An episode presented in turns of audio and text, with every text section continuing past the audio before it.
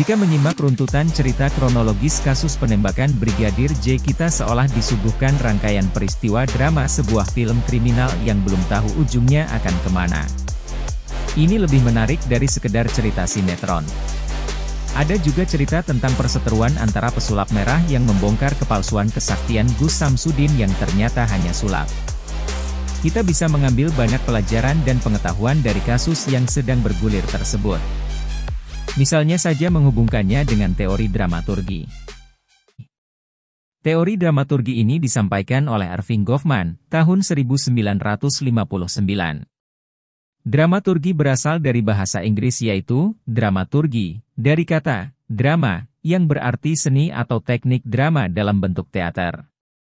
Termasuk dalam teoritis interaksionisme simbolis. Menurutnya, dramaturgi adalah sandiwara kehidupan yang disajikan oleh manusia.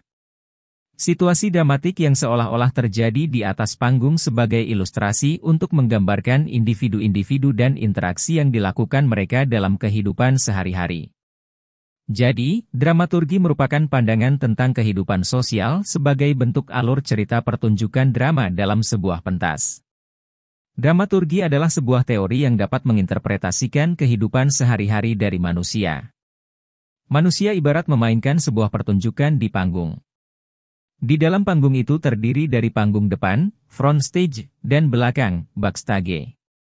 Di dalam panggung depan terdapat setting dan personal front, yang selanjutnya dapat dibagi menjadi penampilan, appearance, dan gaya, manner.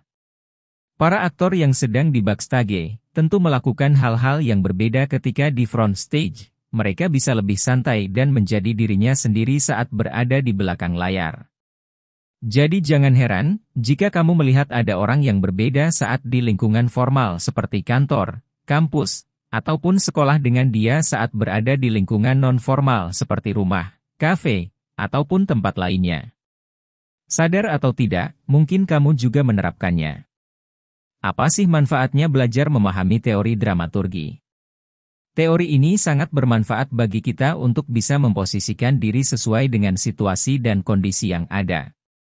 Kita jadi lebih bijak serta paham bagaimana berpenampilan ketika bertemu dengan orang penting seperti pejabat, klien kerja, dosen, atau teman-teman kita sendiri. Di situasi yang formal, kita harus memahami bagaimana kebijakan serta nilai dan norma yang ada pada situasi tersebut. Dari teori dramaturgi ini kita lebih memahami bahwa apa yang ditampilkan oleh seseorang bisa jadi bukanlah yang sebenarnya.